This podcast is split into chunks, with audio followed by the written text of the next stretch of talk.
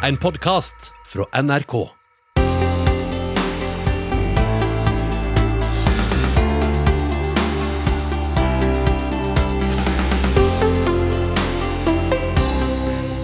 Andelen minoritetsspråklige elever er over 90% på ni av barneskolene i hovedstaden.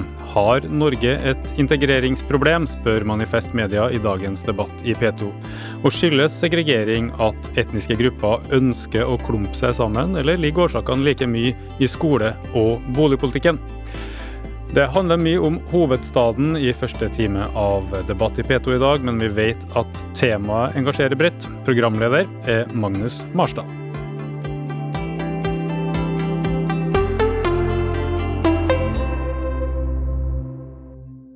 Vi begynner med en bok som har skapt debatt i høst. Den er skrevet av journalist Ida Wangberg og heter 'Skolevalget om skoler som konkurrerer og elever som velges bort'.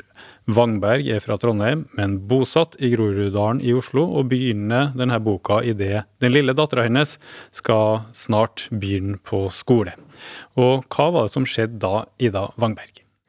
Ja, det var jo eh, fortsatt noen år igjen til hun skulle begynt på skolen, da vi fikk eh, høre liksom at eh, noen i familien da hadde hørt at den skolen som er vår nærskole, ikke var en god skole.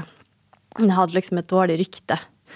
Og for meg som kommer fra Trondheim, så var det sånn rart på, på en måte. Fordi det var utrolig mye som var dårlig med, med skolene i Trondheim på 90-tallet. De var sterkt underfinansiert, og det var mye asbest i veggene. og eh, jeg hadde ikke eh, råd til å kjøpe inn ingredienser til å lage pannekaker på heimkunnskapen. Men eh, vi, jeg hørte aldri snakk om det her at én skole var bedre enn en annen. At det var en god skole eller en dårlig skole. Men det føler jeg hører ganske ofte her i Oslo, da. Det er snakk om gode skolekretser, mindre gode skolekretser. Eh, så jeg ble litt sånn eh, i stuss, og så følte også på det her dilemmaet. Altså vi, vi, trives jo veldig godt eh, der vi bor og sånn, men, men kan vi liksom sende dattera vår til en skole som vi ikke vet er god, da? Ja, fordi man vil jo ha en god skole, en trygg skole for sitt barn, men samtidig så ville du jo gjerne at du skulle gå på nærskolen, den nærmeste. Hvorfor det?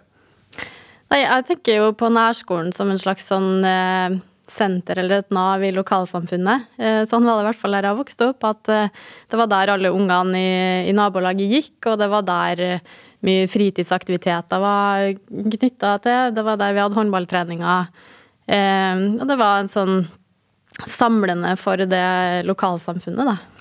Likevel søker ganske mange familier, ikke minst i Oslo, ungene sine vekk fra nærskolen. Hvem er det som gjør det? Det som eh, de eh, rektorer og andre som jeg har snakka med, sier, er jo at det er først og fremst ressurssterke foreldre som søker ungene sine til andre skoler. Og det er Gjerne også først eh, norskfødte foreldre. Ja, så ressurssterk betyr her med kanskje formell utdanning, ja, sånne folk? Ja, typisk høyere utdanning. Men har vi ikke et nærskoleprinsipp, da? Altså Uansett hva de her eh, foreldrene synes de har hørt om den nærmeste skolen. Et nærskoleprinsipp som sier at du blir skrevet inn på den skolen som du geografisk sokner til? Ja, sånn er det i Oslo. At du, du blir skrevet inn på den, den, skolen du bor i inntaksområdet til. Men så har man en ordning som ble innført på slutten av 90-tallet, som ble kalt da fritt skolevalg, der du kan veldig enkelt søke deg over til en annen skole med en eh, sånn enkel søknad. Og hvis, er, hvis den skolen ikke er full, så har du rett på plass der. Uansett grunn, da. Vi skal komme tilbake til hvordan det gikk da Ida Wangberg måtte velge skole for sin lille førsteklassing i Groruddalen, men først vil vi ta inn eh, enda en stemme. Marian Hussein, hvordan reagerte du på debatten som Ida Wangbergs bok 'Skolevalget' skapte i media tidligere i høst?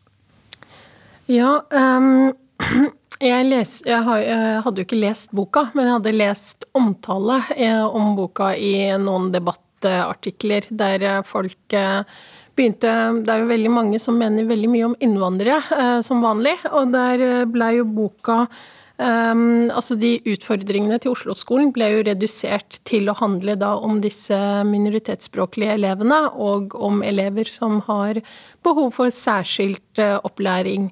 Og da skrev jeg vel en uh, tekst som gikk på at uh, når en bok om Oslo-skolen reduseres til å være om den eneste hvite eleven i en klasse, og om maks antall elever med særskilt norskopplæring, og så skrev jeg også at jeg lurte på hvorvidt debatten hadde vært annerledes hvis det var en eh, minoritet eh, Altså en forfatter med minoritetsbakgrunn som hadde skrevet den boka. For akkurat da så hadde jeg også lest Dishan Shaker sin bok 'Gul bok', eh, og var preget av det, da.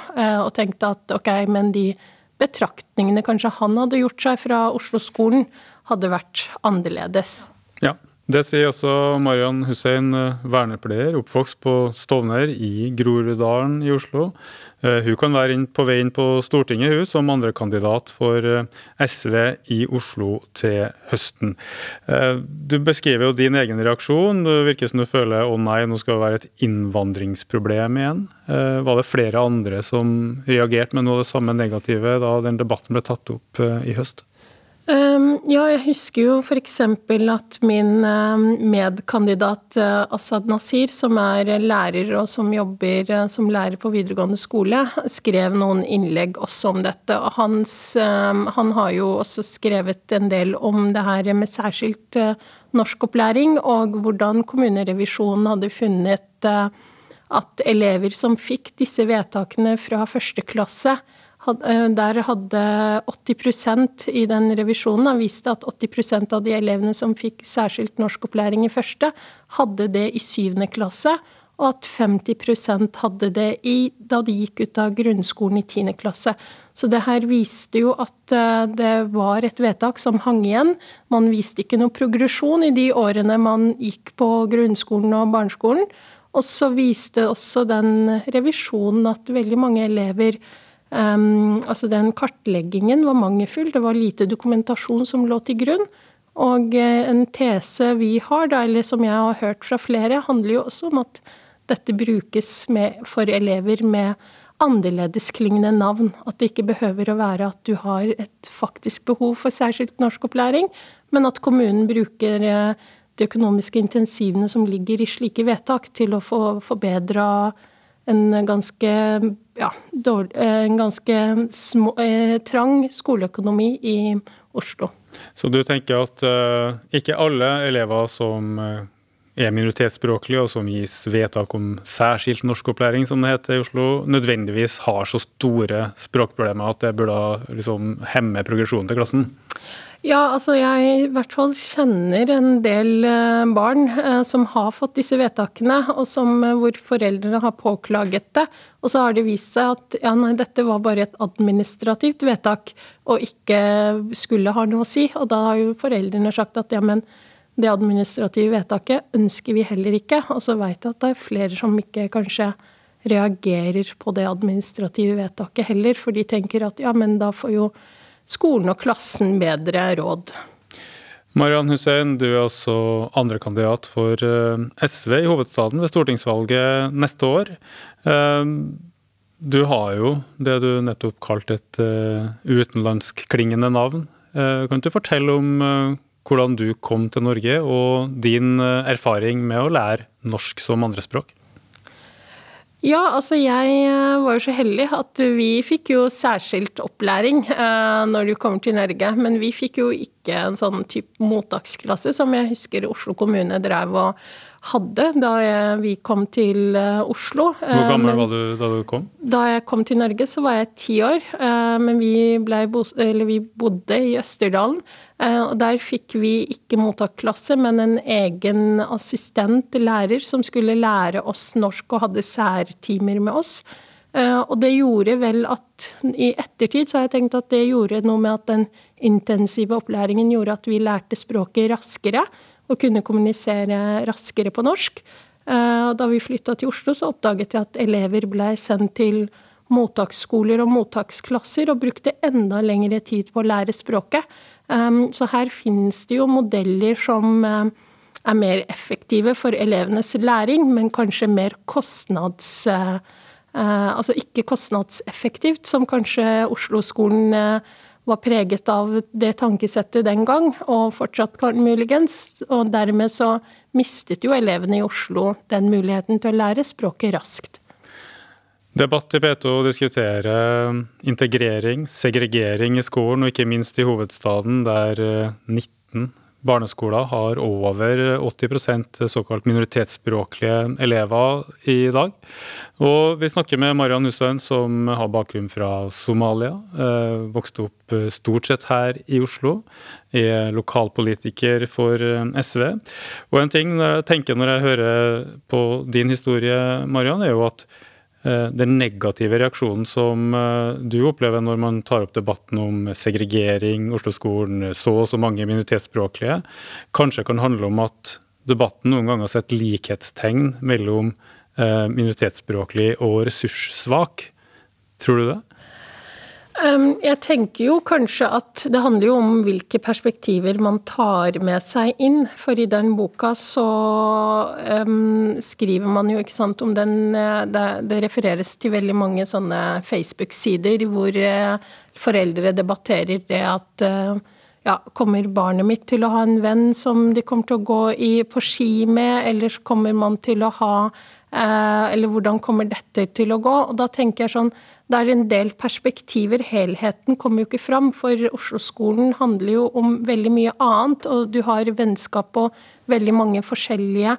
Men når man skal ja, spisse det helt til det enkelte, så tar man kanskje bort veldig mye av det fine med Oslo-skolen, og dermed så sitter man igjen med alt det negative, som igjen da reduserer minoritetsspråklige elever til utfordringer og språk og kulturkrasj og ikke alt det andre, eh, hele det andre fellesskapet da, som man deler, og som gir veldig mange barn som vokser opp i Oslo øst, en helt annen type toleranse og mangfoldskompetanse.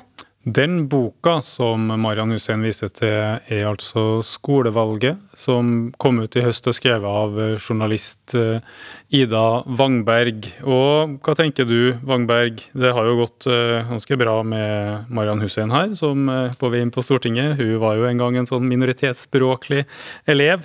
Eh, hva er egentlig problemet med at mange på en skole, f.eks. i Groruddalen der din familie bor, ikke har norsk som førstespråk? Først vil jeg bare si at det hadde helt sikkert blitt ei anna bok dersom den som har skrevet det, hadde minoritetsbakgrunn. Eh, men litt av poenget med å bruke min bakgrunn så tydelig i den boka, er også å vise at, at det er vi som driver mm, en stor del av den segregeringa som er i Oslo i dag, da.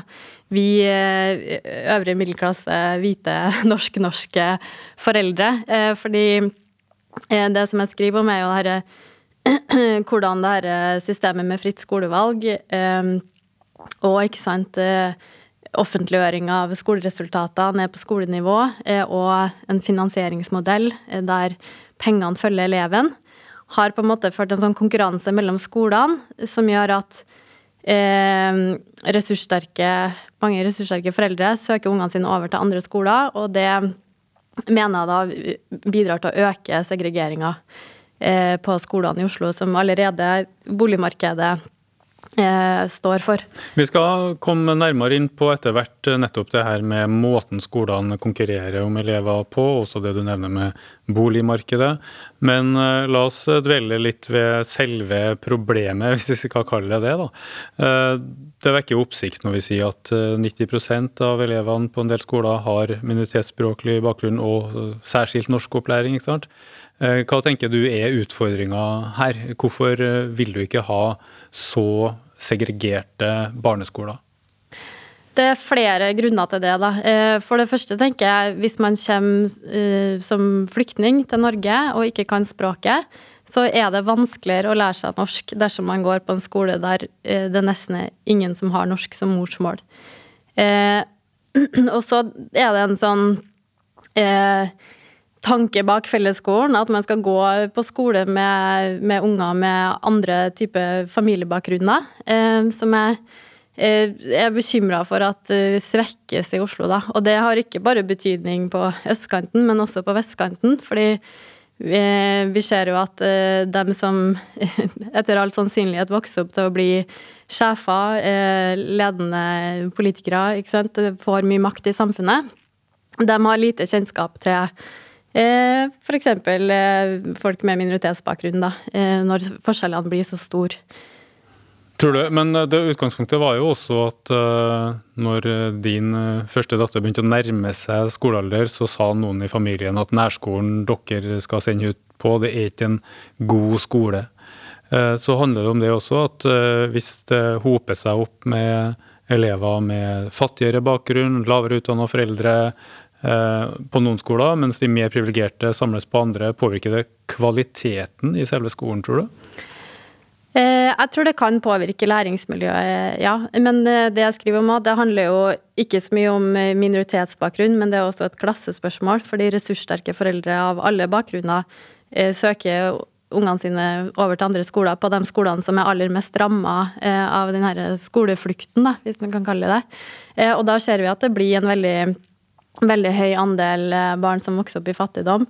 Eh, som eh, ikke sant, foreldre sliter med språk og den type ting. Og det er jo eh, For det første er det en, utfordring for skolene, som får sant, veldig mange eh, spesielle utfordringer. En høy andel unger med, med, veldig store utfordringer, som de kanskje ikke får ressurser nok til å, til å, å liksom møte behovene deres på en ordentlig måte. Og så er det en annen ting, og det er jo eh, at man ikke får tilgang til, den, til ressurser i form av eh, foreldre som kan stille opp og arrangere 17. mai, være aktiv i FAU og den type ting. Og det forteller jo eh, både foreldre og, og eh, lærere og, og, rektorer fra den, noen av de måte, skolene med de største utfordringer på dette området, da, at, eh, at det er det er utfordringa med det, da. Med å arrangere skoleball fordi man ikke får nok foreldre til å stille opp som vakter. Og jeg tenker også at uh, det å ha en mer sånn blanda um, elevmasse og en del ressurssterke foreldre som kan eh, også sant, si fra hvis noe er, er feil, som kan ha forbindelser til journalister gjøre, eller politikere og gjøre mediesaker ut, ut av det, er er en fordel for alle da, på den, eh, den, skolen. Det meste du snakker om nå, handler vel om utdanningsnivå, eh, det du kaller ressurssterke, imot eh, fattigere, dårligere stilte grupper. Veldig lite av det handler om etnisitet, kultur og det som ofte trekkes fram i integreringsdebatter. Eh, er det i noen grad sånn at du nevnte sånn klassespørsmål blir usynliggjort eller kamuflert av det her etniske, kulturelle som ofte er på kameralinsa? Ja, på en måte, og det er jo ganske sammenfallende, ikke sant. Fordi eh, innvandrere er jo overrepresentert i arbeiderklasseyrker. Eh, sånn at det er en del sånn sammenfallende effekter her. Men så er jo, ikke sant språk og den type ting er jo en ekstra faktor som gjør det til noe annet enn bare et klassespørsmål. Og så tror jeg også eh, at eh, ikke sant, det er jo Hva er det ressurssterke foreldre velger bort, da? Er det For mange er det nok snakk om en frykt for det, det fremmede. liksom det eh, sånn skremmende med at veldig mange har en annen kultur eller annen religion og, og sånt. Men det er nok også eh, det er også veldig mye som er klassebasert. Da. At det, man frykter uro i klasserommet. Eh, ikke sant? At det er eh, elever som har foreldre som ikke bryr seg om utdanning, eller eh, Og det vil jo gjelde også eh, norsk-norske med, med arbeiderklassebakgrunn. Så jeg tenker litt at hudfarge og annerledesklingende navn i Oslo-skolen også har blitt en sånn veldig synlig sånn klassemarkør, da. Og nå er de jo ikke så veldig annerledesklingende lenger heller, i deler av byen der det kan godt være de vi en gang så på som typisk norske navn, som er i mindretall på de skolene. Vi snakker om integrering og segregering her i Debatt i P2 med Marian Hussein fra Oslo SV og forfatter-journalist Ida Wangberg. Og vi skal snart få inn en tredje stemme i debatten.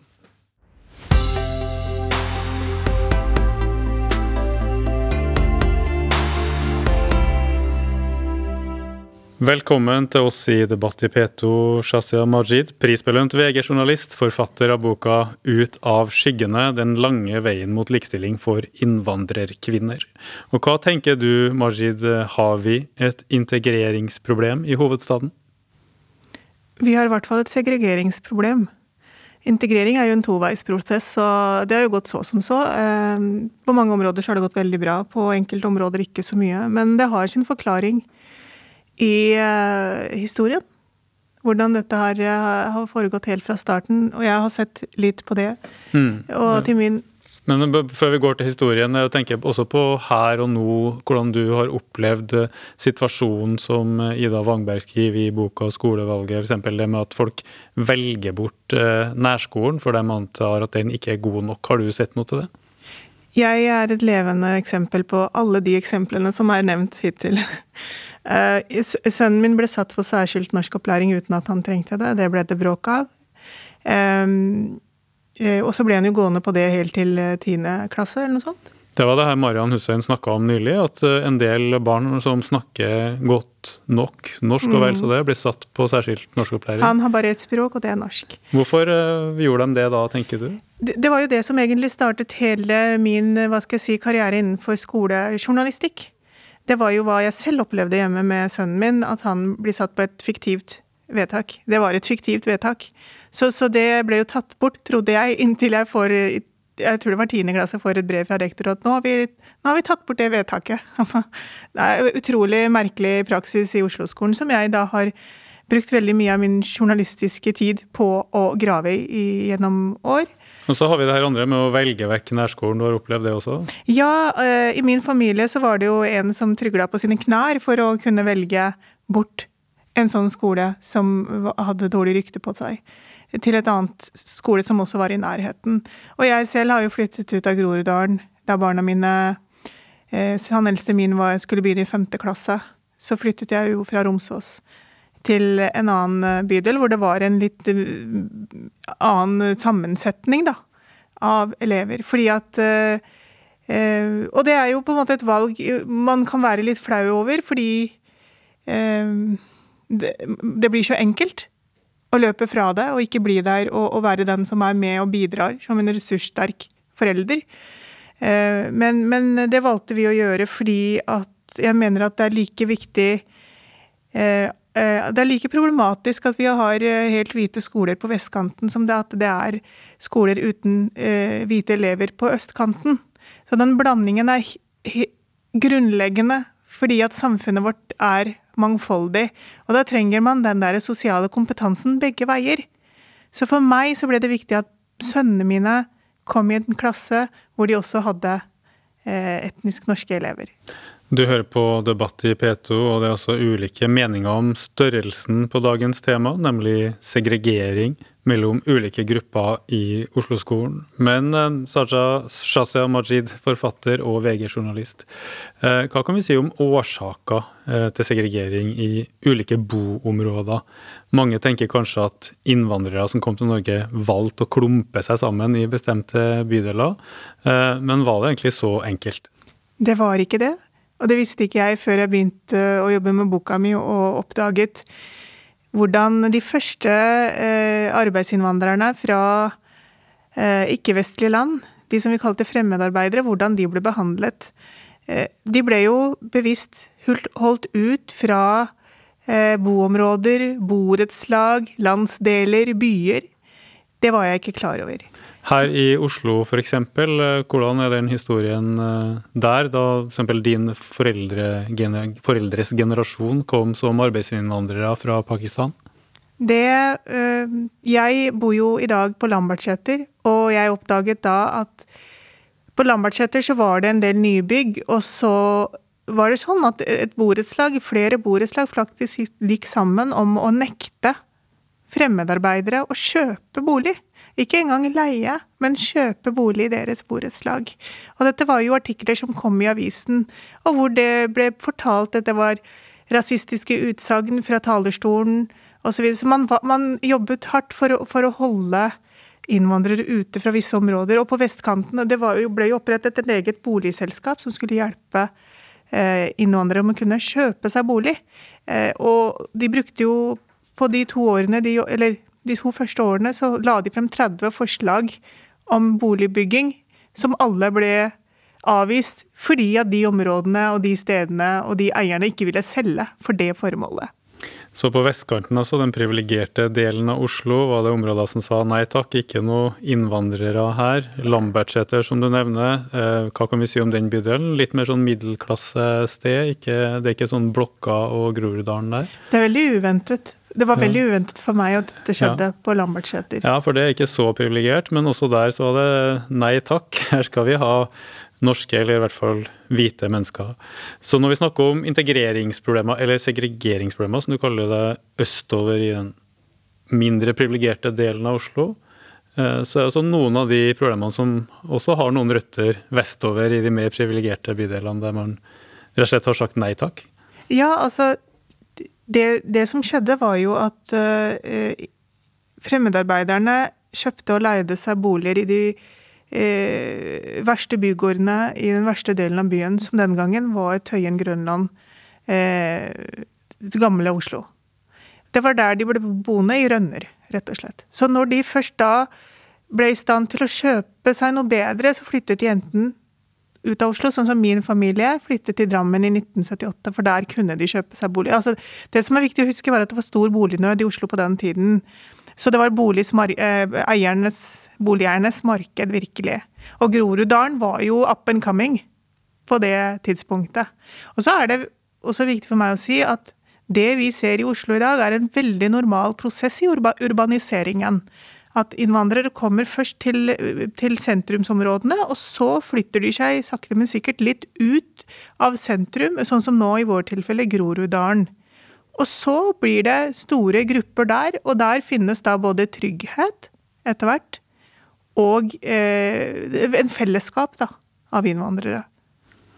Det sier Shazia Majid om eh, dagens tema i Debatt i P2, nemlig integrering og segregering mellom ulike grupper, særlig i landets hovedstad. Men det er jo en debatt som engasjerer, har vi merka, over hele landet. Vi har også med oss forfatter av boka 'Skolevalget', Ida Wangberg, bosatt eh, nederst i Groruddalen.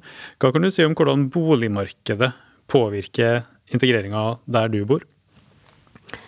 Ja, eh, Nå er jo ikke boligmarkedet fritt for så veldig mange i Oslo. Man er jo veldig begrensa til hvor mye man kan kjøpe for. Og det er klart at hvis du har eh, foreldre og besteforeldre som har eid bolig i Oslo i mange generasjoner, så har man jo en helt annen frihet enn om man eh, ikke får hjelp fra familien. F.eks. Eh, hvis man kommer fra andre land og ikke har eh, oppspart norsk boligformue, rett og slett. Eh, sånn at det Markedet bestemmer jo til en stor grad hvor man har mulighet til å, til å bo. Eh, og det er jo mye lavere boligpriser i Groruddalen og Søndre Nordstrand f.eks. enn i, på Oslo vest. Og det vi ser eh, nå også, særlig i, i mitt nabolag da, og andre deler av Groruddalen, er jo at der det er lave boligpriser, og det er eh, borettslag som ble gjort om til sameier da man fikk lov til det på 80-tallet, så ser vi jo at eh, det er veldig mange leiligheter som blir kjøpt opp for å leie ut. Så det å gjøre om til sameie, hva betyr det? Ja, for man hadde jo De fleste blokkene som ble bygd i Groruddalen, var jo borettslag. Og der, når man er et borettslag, så er det ganske sterke føringer på, på hvor man, om man kan leie ut, f.eks. da. Mm. Man må søke styret om å leie ut. Eh, mens eh, når det er sameie, så står du fritt til å gjøre hva du vil med leiligheta di. Eh, og når eh, boligprisene er lave, så lønner det seg jo veldig å kjøpe leilighet for å leie den ut. Fordi eh, selv om det er stor forskjell mellom kjøpsprisen på en bolig, så er ikke forskjellen på utleieprisene like stor. Så du har fått masse så... investorer da, som kjøper opp mange leiligheter ja. og lager et utleiemarked. Hvordan er det der du bor, f.eks.? Nei, der jeg bor, så er det jo i ferd med å bli rundt 50 utleie da, i leilighetene i blokka mi. Og enda større i det litt større nabolaget, da. Påvirker det bomiljø, integrering, segregering, det vi snakker om i dag? Ja, det gjør jo det, og det er jo ikke fordi leieboere er noe dårligere enn andre. Det er veldig mange flotte folk i, i blokka mi som, er, som leier leilighet. Eh, men det som skjer når det blir veldig høye andeler, det er jo eller utleieboliger, er jo at eh, det blir et mindre stabilt bomiljø. Fordi det er jo veldig lite regulert leiemarkedet i, i dag. Sånn at eh, Eh, det er mange som opplever å bli kasta ut etter noen år. Eh, Sjøl om de har unger som går på skolen i nærheten. Eh, og det er ikke sant, Utleier har veldig mye makt. Og leietakere har lite de skulle, skal ha sagt. Og så skjer det jo også, ikke sant, hvis Man har noen eksempel på det i, i Groruddalen, at hvis utleiere blir mange nok, blir mange nok, så kan man jo få kontroll over styret. Eh, sånn at man i hvert fall ikke investerer noe penger i lekeplass og ting som gjør det bedre for dem som bor der, da. Men man prioriterer heller å holde kostnadene ned, eh, sånn at man eh, tjener mest mulig penger på å leie ut boliger. Så bolig som pengemaskin, det kan bidra til at man får mindre stabile bomiljøer, integrering i de bydelene som kanskje kunne ha trengt akkurat det mest, eh, sånn riktig forstått?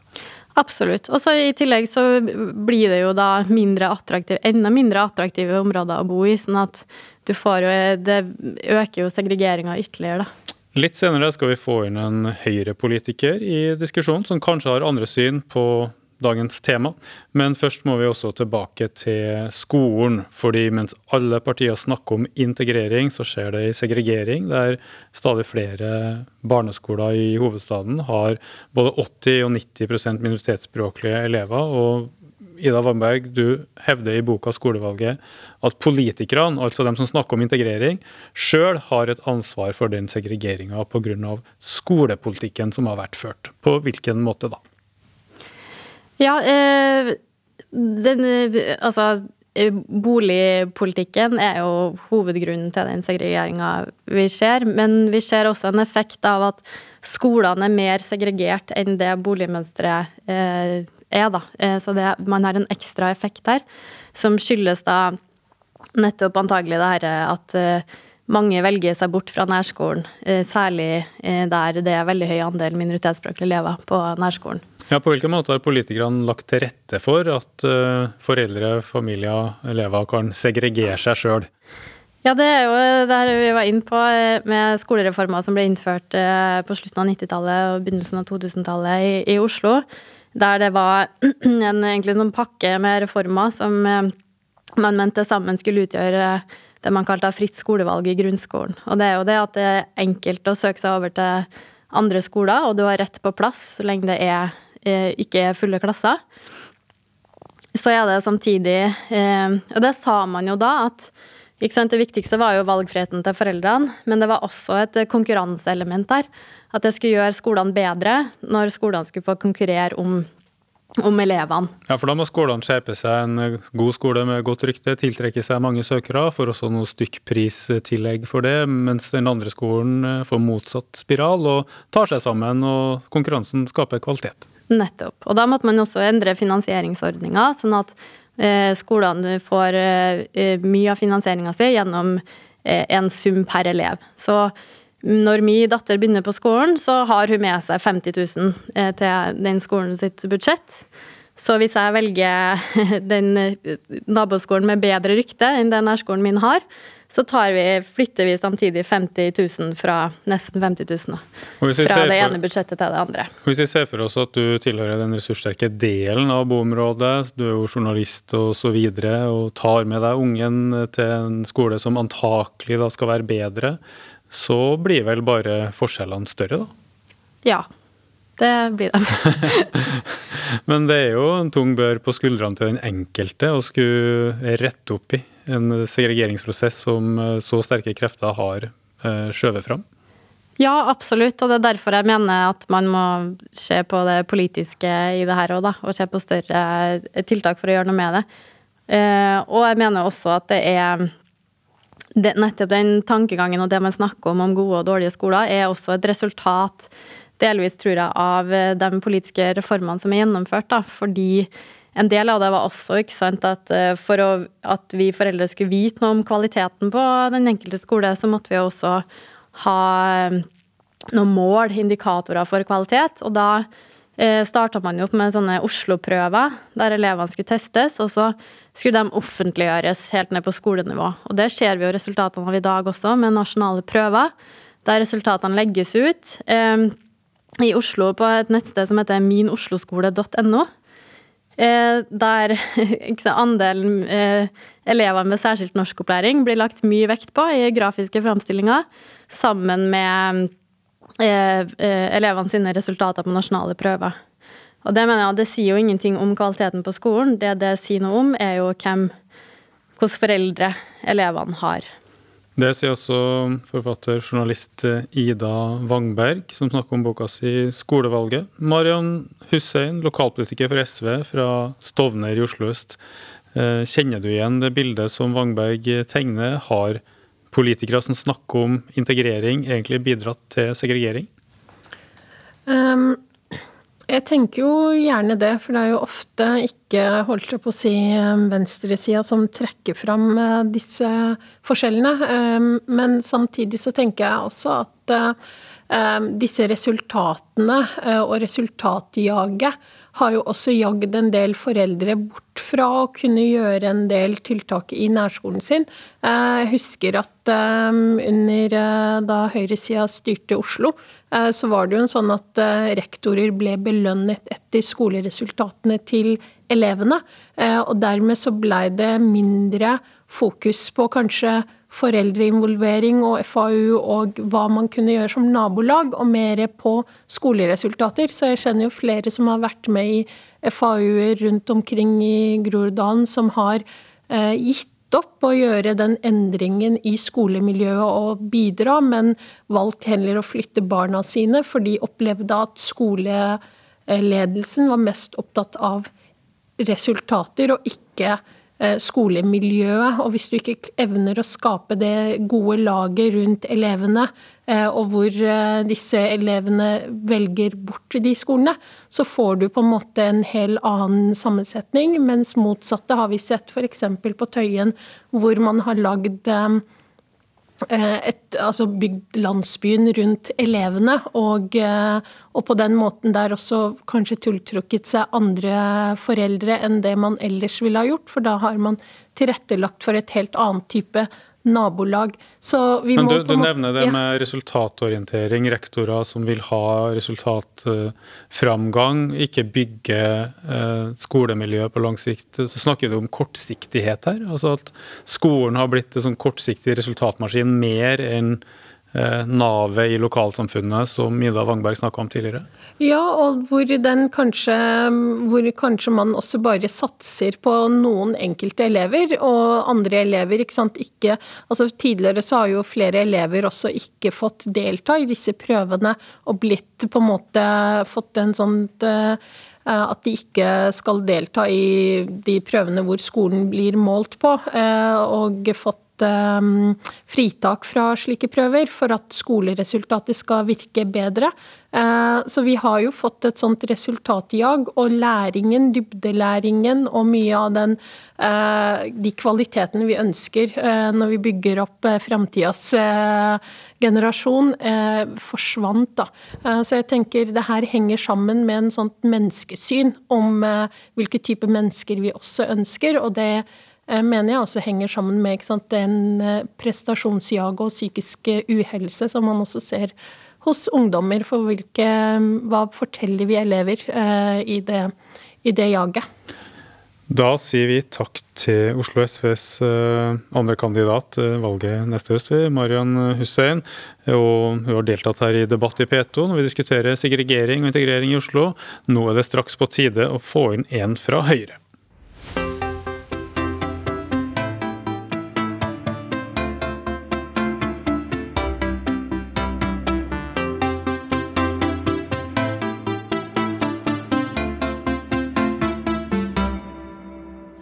Velkommen til debatt i P2. Heidi Nordby Lunde, stortingsrepresentant for Oslo Høyre, med oppvekst på både østkanten og vestkanten. Har hovedstaden et integreringsproblem? Er, ja, det vil jeg påstå at man, man har. Et, men så er det, ut, det er utfordringer i Oslo-skolen, og det er utfordringer i Oslo. Så er spørsmålet hvordan man skal ta tak i det. og Nå har jeg hørt på debatten her i 45 minutter hvor dere har lagt noen premisser for eh, dette, hva som er årsaken til problemet, og hvordan det da eventuelt må løses. Og jeg må være særlig si at jeg ikke egentlig støtter opp under det premisset. Ehm, fritt skolevalg i grunnskolen eh, handler jo først og fremst om eh, nærskoleprinsippet. De aller fleste går på den skolen som de bor i nærheten av. Og så har du mulighet eh, for en liten andel å kunne velge dersom det er ledige plasser på andre skoler. Ehm, og det gjøres av en veldig liten andel av foreldre i, i Oslo, og dessuten så er kapasiteten i Oslo-skolen sprengt. Så det er veldig få ledige plasser tilgjengelige. Og hvilket betyr at man tilskriver et problem til til eh, noe, eh, altså et premiss som egentlig ikke er eh, reelt i dag. Så det vi snakker om her, er jo det at mange skoler har en høy andel minoritetsspråklige elever østover i Oslo, og noen steder så mye som 90% Og du tenker at det i liten grad handler om skolevalg, segregering, men først og fremst om bomønster? Altså Hvis det er 90% minoritetsspråklig på en skole, så er jo det åpenbart at det ikke er et resultat av at noen få eh, foreldre har valgt seg vekk eh, fra eller til en skole. Eh, da må det tilskrives andre eh, årsaker.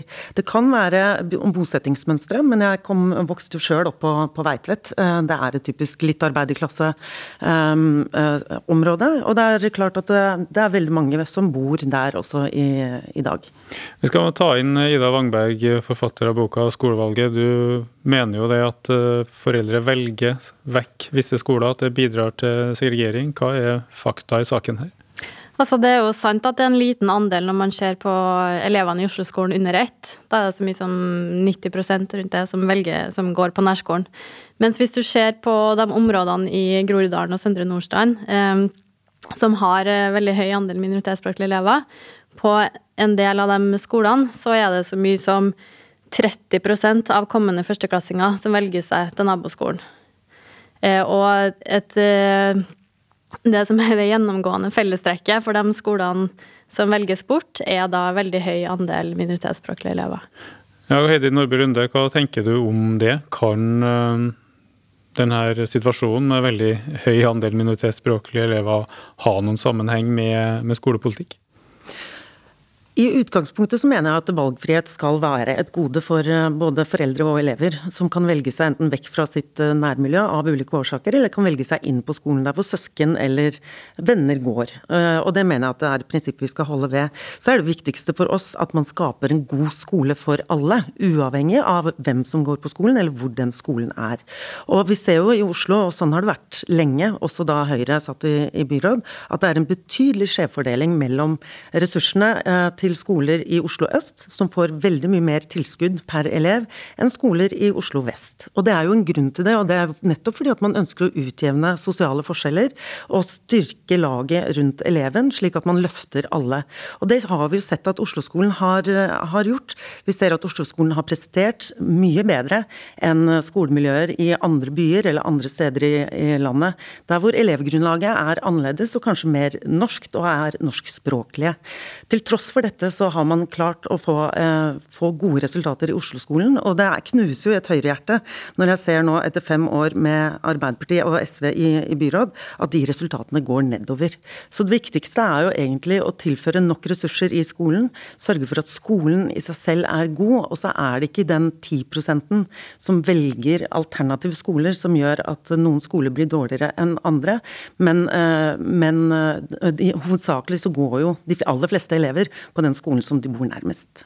VG-journalist og forfatter eh, Shazia Majid, du har skrevet mye om eh, skolen, ikke minst i hovedstaden. og Hva tenker du, har den bidratt til integrering, eller bidrar den til segregering? Skolen har en e, e, grunnleggende en av de viktigste rollene i samfunnet når det gjelder integrering. Jeg er veldig eh, lidenskapelig opptatt av hva vi lærer på skolen. Vi skal lære å lese og skrive og regne og engelsk og sånt. Men eh, jeg slår et slag for eh, disse humanoriafagene. Eh, når de er på vei ut, så føler jeg Når du har 90 eh, elever med flerkulturell bakgrunn, Så eh, hvis du tar bort teater, du tar bort Ibsen, du tar bort noen av de kulturelle, ikke målbare fagene, så tar du vekk deres mulighet til å kjenne den norske folkesjela. Til så, å skape tillit til medborgere i samfunnet, til, til å bli kjent med det norske. Men har, vi, har, vi, tatt bort uh, teater og Ibsen og andre blitt, ting? Da? Det har, blitt, uh, mye, det har blitt mindre av det. Jeg skriver om det i boka mi, jeg har ikke tallene i hodet mitt, men jeg har sett på dette her. Mm. Og, og, jeg er veldig urolig for det, fordi at mitt forhold til Norge fikk jeg gjennom skolen min. Og da var, det, da var vi tre i klassen som hadde utenlandsopprinnelse. Det er det jeg er mest urolig for. Eh, men det er jo noe jeg har tenkt på nå. Men i, før det så tenker jo jeg at eh, skal, vi, skal vi løse de problemene For vi har de elevene vi har. Det er ikke noe vi kan gjøre med det nå. Det er sånn det er. Eh, vi har den segregeringen vi har, så sant vi ikke busser. Jeg har tatt til orde for det òg. Jeg er litt usikker nå. Men jeg tror det er viktig at Og busse, da mener du at man kan rett og slett transportere elever fra en bydel til en annen for å motvirke bolig-skolesegregeringa som ellers mm. forverres, liksom? Ja, jeg ser at det gikk, ikke, det gikk ikke så veldig bra i Danmark. Så jeg har, jeg har Usikker på det forslaget, men hva annet eh, tenker du på som eh, mulige løsninger, da, hvis vi ikke ønsker eh, det vi kaller brune og hvite skoler? Eh, som sagt, vi har den elevmassen vi har. Da må vi gjøre noe med særskilt norskopplæring som eh, instrument. Den er defekt. Der må vi endre hele eh, hvordan dette her foregår. Fordi at der er det sånn at det er penger som følger eleven. Vi må jo gå bort fra det, og så må det bli sånn at det er andelen elever på skolen som utløser en pott. Fordi at dette her blir Vi hører jo det her også. Det blir jo aktivt brukt i politikken. Og, og, når jeg har gått inn i dette journalistisk, så ser jeg jo, og, og dette ble jo også bekreftet av denne her kommunerevisjonsrapporten som jeg skrev om første gang, at, eh, at, denne ordningen er defekt når du har elever gående på det i ti år, og som får eh, karakterer i norsk som er tre og fire. Da skjønner du at da skulle ikke de ha vært på den ordningen. Så da, det her bare så lytterne får det med seg, Vi snakka også om særskilt norskopplæring og spesialundervisning i språk da, for eh, minoritetsungdom og unger. og da påstår du at uh, ofte så blir skolens økonomi blanda inn i dette her. Ja, det, at man får ekstra midler, og at det dermed noe som kalles integrering, egentlig handler om helt andre ting. Ja, det, det tenker jeg. Og så er det en annen ting, og det er ufaglart arbeidskraft inn i skolen. Der må vi også jobbe mye mer med å få ned den andelen. Vi trenger de beste lærerne. Sånn som de, de har det i, i Finland. Finland har jo en av verdens beste skoler. Og der er det sånn at veldig mange har faktisk spesialundervisning. Og det er de beste eh, pedagogene som blir satt på eh, disse elevene. Eh, en tredje ting er selvfølgelig dette her med målstyring. Vi må fjerne den konkurransen som vi har i Oslo-skolene. At du konkurrerer på kartleggingsprøver osv. Dette er prøver som, som, skal fortelle læreren hvilken elev som trenger mer hjelp. Og så er det noe med disse her med fritaksreglene. Elever som har spesialundervisning, kan fritas fra nasjonale prøver når skolens kvalitet liksom skal måles, da, så kan man sjalte ut eh, folk som har eh, spesialundervisning, og dermed få et bedre snitt, fordi mange av de ikke så gode elevene ikke var med. Det har jeg vist i journalistikken min for noen år siden. Og nå ser vi, jeg har fått med meg bruddstykker om at nå, det, nå sies det å gå litt dårligere i Oslo-skolen. Og så sies det samtidig at fritaksprosenten har blitt lavere. Og jeg tror det henger sammen, og viser egentlig at man fritar flere enn man burde frita. Men hva er det egentlig vi snakker om her? Det høres jo ut som uh, integreringsutfordringer, segregering, uh, egentlig kan forverres av et system der det handler mye om å få en pen tallfasade, få et bedre snitt, at rektoren måles på noen variabler, og at noen elever er kanskje best å ikke ha på den skolen. Uh, det, det her er jo ikke det norske systemet sånn som vi liker å snakke om det, det her er jo noe annet. Vi er jo veldig stolt av fellesskolen. Og dette ligner jo egentlig ikke så veldig mye for fellesskolen. Jeg tror at skolen i Oslo har en mye, mye viktigere rolle. Selvfølgelig er skole viktig overalt, men her er det ekstra viktig fordi at vi har en så stor gruppe med barn som har innvandrerforeldre. De er helt avhengig av at vi gjør det mye bedre enn vi gjør det i dag. Og jeg tror ikke denne her konkurranseskolen og dette her at rektorer jager Eh, altså at, at, eh, økonomien er så dårlig at de må holde på med fiktive vedtak osv. Som, som vi har sett tilfeller av, og jeg sitter her som eksempel på. Eh, det, den økonomistyringen, den målstyringen eh, Jeg er ikke imot målstyring. Eh, det skal vi ha. Barn skal lære seg å lese og skrive osv. Og, så og gjøre det bra. Heidi Nordby Lunde, politiker for Høyre i Oslo. Hva tenker du? Har Shazia eh, Majid noe rett her, eller eh, er det bare myter det med at eh, resultatmålstyring har noen sånne negative effekter? Ehm, jeg tror at det vi har sett i Oslo-skolen, er jo at man kan ha hatt ut, eh, altså uheldige utslag av eh, finansieringssystemet. Så der har jo også Høyre eh, foreslått endringer i hvordan det skal være. Så det tror jeg du har helt, helt rett i. Så jeg er glad for at du sier at du også er for målstyring, for målet er jo at elevene skal lære seg å lese og skrive skikkelig. Og det har jo også vært målet til Høyre når vi har ønsket både kartlegging og åpenhet rundt resultater. Ikke for å um, vise til at noen skoler er bedre eller dårligere enn andre, men nettopp for for å kunne sette inn mer ressurser på de skolene som ikke presterer godt nok. Og Det handler jo igjen da om å sette inn ressurser til de svakeste elevene for å skape nettopp den sosiale utjevningen som vi alle er ute etter, enten det er øst eller vest i Oslo, eller på det enkelte skoler internt i, i et skoledistrikt. Så det handler rett og slett om å bare fokusere på kunnskap i skolen. Der hvor noen ønsker at man skal heller eh, begynne med å gi skolemat, så ønsker vi å bruke de pengene på læreren i klasserommet. Og jeg er også helt enig om at vi får, må få ned antall ufaglærte i skolen og erstatte det med kvalifiserte lærere. Og Det har jo vært også et av poengene til Høyres lærerløft, nemlig det å både eh, videreutdanne de lærerne som allerede er i skolen, men også innføre en mastergrad eh, inn i, eller bachelorgrad i, til lærerne. Og sørge for at de virkelig kan de, eh, de fagene som de underviser i. Og Det viktigste er jo selvfølgelig å lære norsk. Det å lære å skrive og lese skikkelig. For det nytter ikke å ha kultur kultur og teater i skolen hvis du ikke forstår Ibsen og kan lese han. Og Det er jo nettopp derfor vi legger veldig vekt på nettopp de basisfagene, og at elevene skal lære de. Det sier også Høyre-politiker Hedi Nordby Lunde her i Debatt i P2, der vi snakker om integrering og ikke minst segregering i skolen, og spesielt da i hovedstaden. Debatten starter med boka 'Skolevalget' av eh, Ida Wangberg. Og hva tenker du, Ida, eh, må gjøres for å få mer ensarta, mindre segregerte skoler, f.eks. i Groruddalen, der eh, din datter nå går på skole? Jeg tenker det er veldig mye som bør gjøres eh, samtidig, fra det helt små til det helt store. En av tingene, bare for å eh, ta tak i det Heidi Nordby Lunde sa om, eh, om finansiering av skolene, at skolene i øst får veldig mye mer ressurser enn skolene i vest. Eh, det stemmer at det finnes en del sånne kompensatoriske ordninger for skoler med store behov. Men det vi ser når vi ser på tallene helt ned på hver skole, er jo at stykkprisfinansieringa, eh, som da ikke sant, eh, Det følger nesten 50 000 med per elev, gjør jo at skoler som er, har et dårlig rykte, som er upopulære, som blir valgt bort, ender jo opp med et mye lavere totalbudsjett. Og nå er det jo sånn at man lønner jo lærere per klasse. Selv om det, uansett om det er 20 eller 28 elever i den klassen. Så de skolene som virkelig eh, har ikke greier å fylle opp klassene sine, de taper økonomisk veldig på det, da. Og hva eh, tenker du, hvis du skal være litt rask, er de viktigste ja. tingene å gjøre for å få mer integrering, mindre segregering? I tillegg til å endre det finansieringssystemet, så tenker jeg det man kan gjøre fra det helt små, er å gjøre sånn som man har gjort på Tøyen skole, f.eks. Eh, da man har sånn femårsklubb. Som gjør at foreldre og elever blir kjent med skolen og lokalmiljøet før de skal da ta det valget om de skal velge bort skolen eller ikke. For da oppdager man jo gjerne at eh, ungene er jo ikke så skumle som det ser ut på i statistikken når man blir kjent med dem.